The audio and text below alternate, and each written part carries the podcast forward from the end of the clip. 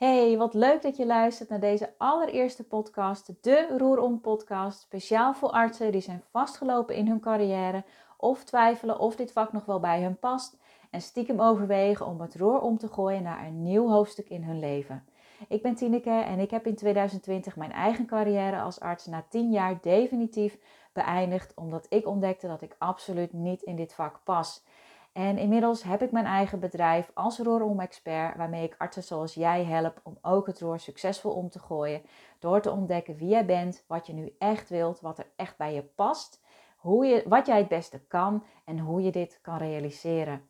En in deze podcast ga ik een heleboel thema's delen die met dit onderwerp te maken hebben. Misschien ken je me wel via LinkedIn. Daar plaats ik ook heel vaak tips en verhalen en ervaringen maar ik merkte toch dat ik daarin wat uh, voor mijn gevoel te weinig bewegingsruimte had om echt goed te kunnen vertellen uh, hoe ik tegen bepaalde zaken aankijk.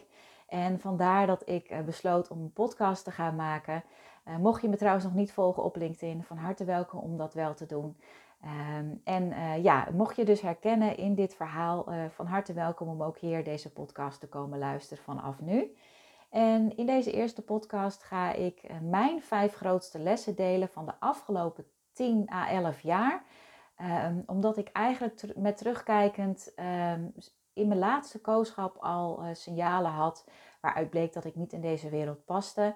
Maar ja, daar werd in die tijd echt absoluut niet over gesproken. En ik merk dat dat ook tegenwoordig nog echt wel heel karig is. Eh, er heerst een enorm taboe op het feit dat je ja, als arts misschien ook wel eens wat anders zou willen doen dan dit vak. En ehm, ja, ik heb toen in tien jaar tijd meerdere keren mijn roer als het ware omgegooid. Eerst ging ik van arts in het ziekenhuis naar buiten het ziekenhuis. Toen dat niet beviel, dacht ik, nou, ik moet wel in die zorg blijven. Dat was een hele sterke overtuiging van mij. Dus ben ik als doktersassistent gaan werken, want ik dacht misschien heb ik gewoon minder verantwoordelijkheid nodig. Is dat prettiger voor mij? Toen dat ook niet beviel, ben ik als triagist gaan werken. Uiteindelijk gooide ik weer het roer om naar een leidinggevende functie op een huisartsenpost. En ja, toen ik voor de zoveelste keer opgebrand en onvoldaan thuis zat, dacht ik: ik doe niet te veel, ik doe het verkeerde. En zo is voor mij het besluit ontstaan om ermee te stoppen en te onderzoeken wie ik ben en wat ik nou het allerliefste wilde doen. En ja, zodoende heb ik nu dus mijn eigen bedrijf waarin ik eh, andere artsen help om dit ook te bereiken. Niet per se een eigen bedrijf, maar om te bereiken dat je op een pad gaat lopen dat helemaal passend is voor jou. En in deze podcast wil ik dus mijn vijf grootste lessen delen, omdat ik, eh, zoals ik net al zei, heel vaak het roer wel op een bepaalde manier heb omgegooid, maar dan toch iedere keer weer op een pad belanden wat net niet helemaal passend was, waardoor ik steeds weer vastliep. En ehm, ja, daar heb ik heel veel van geleerd. En die lessen wil ik graag met je delen om ervoor te zorgen dat jij niet in dezelfde valkuilen gaat trappen. En uh, ik ga meteen beginnen met de eerste les. En dat is: word de baas over de stemmetjes in je hoofd. Dit is misschien wel de grootste les die ik geleerd heb de afgelopen jaren. Uh, en ik ga er meteen een vraag over stellen aan je. Uh, denk eens na over wat voor stemmetjes er allemaal in jouw hoofd komen op het moment dat je erover nadenkt om bijvoorbeeld uit de praktijk te stappen waar je nu werkt. Of afscheid te nemen van de maatschap waar je in zit. Of ontslag te nemen als je in loondienst bent. Of misschien als jij al wat concreter weet wat jouw grootste dromen zijn. Ik sprak bijvoorbeeld laatst een arts die zei: ja, als ik echt miljoenen op de bank zou hebben, dan zou ik een eigen restaurant willen beginnen. Ehm, dus denk eens na over dat restaurant of over het nemen van ontslag. Wat voor stemmetjes komen er dan allemaal tevoorschijn in jouw hoofd? Bij mij, toen ik hierover ging nadenken, was dat bijvoorbeeld zonder van je diploma om daar niks meer mee te doen. Jij kan niks anders dan in het artsenvak of in de zorg werken. Wie zit er nou op jou te wachten?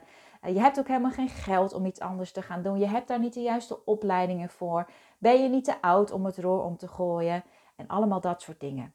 Jij hebt ook dit soort stemmetjes. Iedereen heeft dit soort stemmetjes. En dat komt omdat op het moment dat we het roer gaan omgooien, willen we vaak uit onze comfortzone stappen. En ons brein wil niet dat we uit onze comfortzone stappen, want ons brein wil ons beschermen. Dat is nou eenmaal de functie van ons menselijk brein. En eh, omdat hij jou daarin wil houden, gaat je brein die stemmetjes uh, laten oppoppen. En die stemmetjes zijn beperkende gedachten. Die gedachten komen voort uit je onderbewustzijn en je onderbewustzijn is verantwoordelijk voor 95% van alles wat jij nu ziet in je leven. Want gedachten vormen je gevoelens, gevoelens vormen je gedrag en je gedrag vormt je realiteit. Ik ga daar in een latere podcast nog wel eens wat uitgebreider over vertellen. Maar wat voor nu eigenlijk het enige is wat je moet weten, is dat als jij niet met deze stemmetjes aan de slag gaat. En dit is iets wat ik in die tien jaar nooit gedaan had, omdat ik gewoon simpelweg niet wist hoe dit in elkaar zat. Dan gaat het je nooit lukken om het roer succesvol om te gooien, omdat die 95% dus uh, een enorm getal is en jouw leven wordt hier gewoon simpelweg door bepaald. Mijn beperkende gedachten, uh, mijn twee grootste beperkende gedachten waren op één, ik stel niks voor. En op twee, ik moet in de zorg blijven werken. En je ziet dus ook, als je terugkijkt naar mijn leven, dat dat, dat ook de waarheid is geworden. Ik cijferde mezelf weg. Ik dacht dat ik uh, niks anders kon dan, dan in die zorg werken. En uh, ja, dat is dus ook wat mijn werkelijkheid werd. Totdat ik dus mijn verhaal ging herschrijven. Want als je eenmaal weet wat de stemmetjes zijn in jouw hoofd, dan kan je er ook andere stemmetjes van maken. Oftewel, je kan er andere gedachten van maken. Want als je je gedachten verandert, dan verandert uiteindelijk ook je realiteit. En ik ben mezelf toen een ander verhaal gaan vertellen door te zeggen: ik stel wel iets voor. Ik stel wel iets voor. Ik heb een heleboel kennis en kwaliteiten in huis die ik ook buiten het artsenvak kan gaan inzetten. Bedankt artsenvak dat je me op dit punt in mijn leven hebt gebracht, maar ik ga nu een andere weg inslaan en ik weet dat ik dat kan.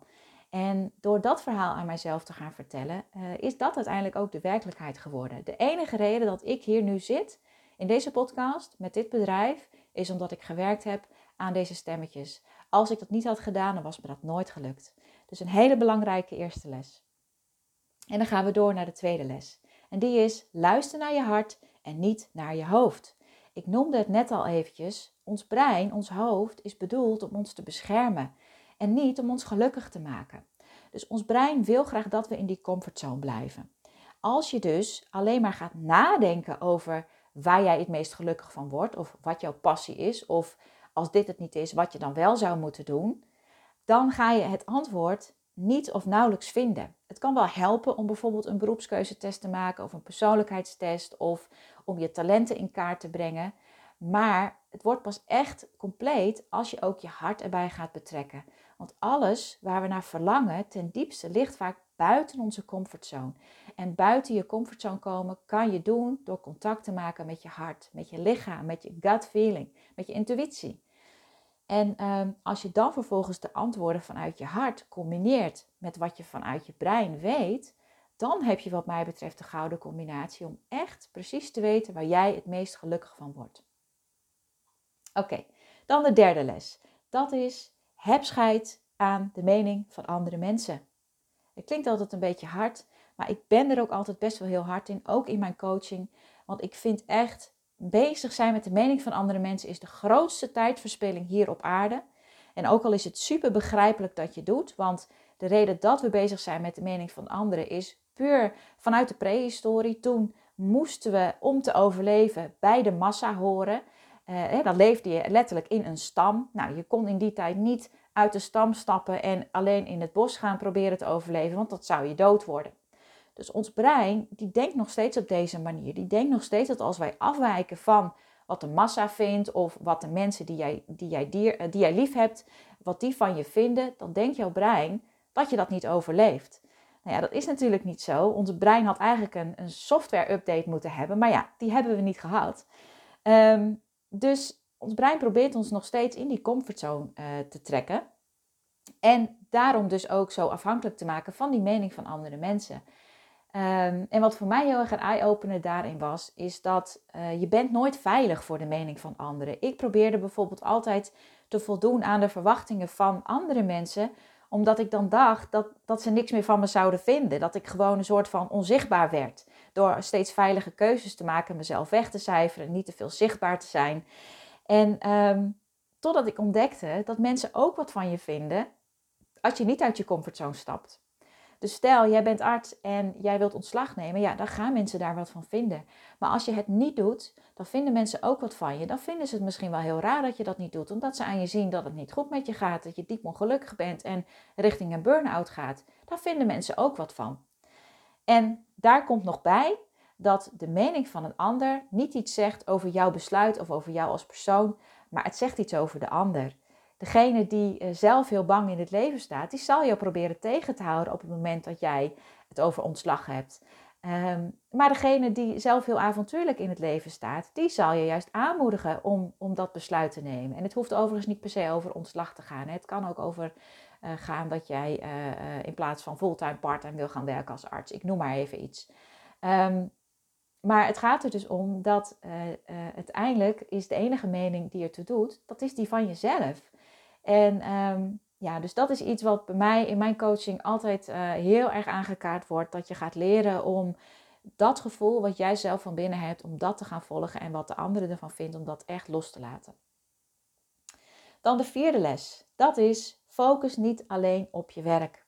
Wat ik jarenlang heb gedaan en ik zie het ook om me heen gebeuren, is dat als er in het werk iets niet klopt, dat we proberen het werk op te lossen en daarmee hopen dat ons hele leven weer oké aanvoelt. En ik heb inmiddels geleerd dat dat een tekort door de bocht is. In ieder geval voor mij. In sommige gevallen, in sommige gevallen kan het misschien wel werken, maar voor mij was het echt tekort door de bocht. Ehm, ons leven bestaat niet alleen uit werken. Er zijn ook nog een heleboel andere onderdelen. Je hebt je vrije tijd, je hebt je hobby's, je hebt uh, je liefdesleven, je hebt relaties met andere mensen, je hebt geld, je hebt persoonlijke ontwikkeling. En al die thema's moeten een onderdeel in jouw leven krijgen op een manier die passend en kloppend zijn voor jou. En als je dus alleen aan het werk gaat sleutelen, terwijl er ook drie andere elementen in jouw leven niet lekker gaan, dan uh, gaat dat werk veranderen niet de grote oplossing zijn. Um, en daar komt nog bij, ook al zijn die andere thema's in jouw leven wel op orde en is het puur alleen het werk, dan nog is het belangrijk om de rest eromheen ook mee te nemen. Want als jij bijvoorbeeld de perfecte baan hebt gevonden waar je helemaal blij van wordt, maar je moet daarvoor buiten kantoortijden werken, terwijl jij ook iemand bent die heel graag bij zijn familie en bij zijn gezin is en geen uh, uh, schooluitjes en uh, dansvoorstellingen wil missen, dan gaat die baan jou niet gelukkig maken. Ook al lijkt het inhoudelijk misschien alsof die jou op het lijf geschreven is. Dus de vierde les is wat mij betreft echt cruciaal om het roer succesvol om te gooien. En dat is focus niet alleen op het werk, maar focus op je hele leven. Oké, de laatste les. Dat is les 5. Kom in actie. Een enorme inkopper. Maar wat ik heel vaak zie, is dat mensen op een gegeven moment geïnvesteerd hebben in talenttrajecten. Of ze weten wat hun kernwaarden zijn. Ze weten wat hun persoonlijkheidstype is. Ze hebben een test gemaakt. En dan hebben ze het antwoord gevonden en dan ligt het antwoord op je bureau en het verdwijnt in je bureaula. En ja, wanneer is dan het moment dat je er ook echt wat mee gaat doen? En uh, ook dit weer wordt veroorzaakt door je brein. Je brein wil niet dat jij in actie komt. Die wil niet dat je naartoe gaat bewegen naar datgene waar jij gelukkig van wordt. Want dat is nogmaals vaak buiten je comfortzone. Dus ook dan gaat hij weer die stemmetjes in jouw hoofd stoppen en gaat hij jou proberen tegen te houden. Um, dus het is heel belangrijk dat je daar bewust van bent en dat je een plan van aanpak maakt wat behapbaar is. Wat in kleine stappen op te delen is en die kleine stappen ga je weer in mini-stapjes opdelen. Mijn grote droom was toen ik onderzoek naar mezelf ging doen, was dat ik reizen naar Zweden wilde gaan organiseren voor mensen die hun leven willen transformeren. Dat is niet wat ik op dit moment aan het doen ben. Misschien ga ik dat ook wel nooit doen, maar het is een stip die ik op de horizon heb geplaatst. Toen ik nog net ontslag had genomen als arts, was dat natuurlijk een enorme ver van de bedshow. En dat is wat ik dan vaak zie gebeuren. Het is te groot, het is te ver weg. En dan denken mensen, laat maar, dat gaat mij nooit lukken. Dat is niet voor mij weggelegd. Dat is alleen voor mensen met veel geluk of met veel geld of die al een kruiwagentje hebben. Ik had dat ook allemaal niet. Het enige wat ik gedaan heb is bedenken, wat kan ik vandaag doen om de allereerste mini-stap te zetten op weg naar die droom in Zweden. En voor mij was dat, oké, dat betekent dus dat ik een eigen bedrijf wil. Een eigen bedrijf betekent voor mij dat ik een business coach nodig heb, want ik had voor mezelf besloten dat ik dit niet in mijn eentje wilde doen, maar dat ik het vanaf het begin goed wilde aanpakken. Dat hoeft overigens niet altijd hoor, maar ik heb die keuze wel gemaakt. En hoe vind je een business coach? Door te gaan googlen.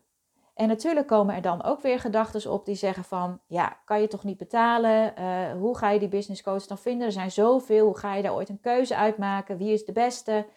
Ja, dat zijn weer die stemmetjes. Dus die heb ik aan de kant geschoven en ik heb gewoon ingetypt in Google, business coach voor startende ondernemers. Nou, bij de eerste had ik een gesprek, dat was helemaal niks. En bij de tweede was het perfect en dat is nog steeds mijn business coach. En zo ben ik eigenlijk steeds elke dag weer een stapje gaan zetten. En natuurlijk sla je ook wel eens een dag over, maar je begrijpt wat ik bedoel. En uiteindelijk worden heel veel kleine mini-stapjes, zijn bij elkaar opeens één hele grote stap. Als ik nu terugkijk naar waar ik twee jaar geleden stond, ja, dan, dan is het echt, dan ben ik echt een enorme transformatie ondergaan. Alleen door elke keer kleine stapjes te zetten. Dus dat is de laatste les. Kom in actie. Nou, mocht je nou zitten te luisteren en denken van wauw, ik vind dit echt super uh, interessant. Het spreekt me heel erg aan en het lijkt wel alsof dit over mij gaat. Ehm, dan uh, nodig ik je van harte uit om een gesprek met mij aan te vragen. Dat kan via www.tinekeplaat.nl slash contact. Dan kan je een gratis persoonlijke scan met mij plannen. En dan gaan we samen kijken naar jouw specifieke situatie. En aan het einde van het gesprek uh, geef ik je dan of een vrijblijvend advies waar je zelf mee aan de slag wil.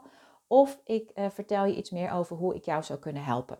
En op dit moment is het eerstvolgende traject waar je op kan instappen, start op 10 januari 2022. En dat is een uh, traject inclusief een retreat en individuele gesprekken. En als rode draad een heel uitgebreid werkboek waar alle opdrachten in staan die je nodig hebt om helder te krijgen wie jij bent, wat jij nu echt wilt en hoe je dit gaat bereiken. En deelname hieraan is dus altijd op basis van een wederzijdse klik. Dus vandaar mijn verwijzing naar uh, uh, het kennismakingsgesprek.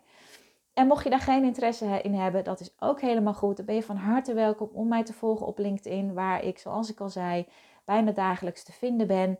Of uh, ja, ik zie je gewoon heel graag weer in de volgende podcast. Doei doei!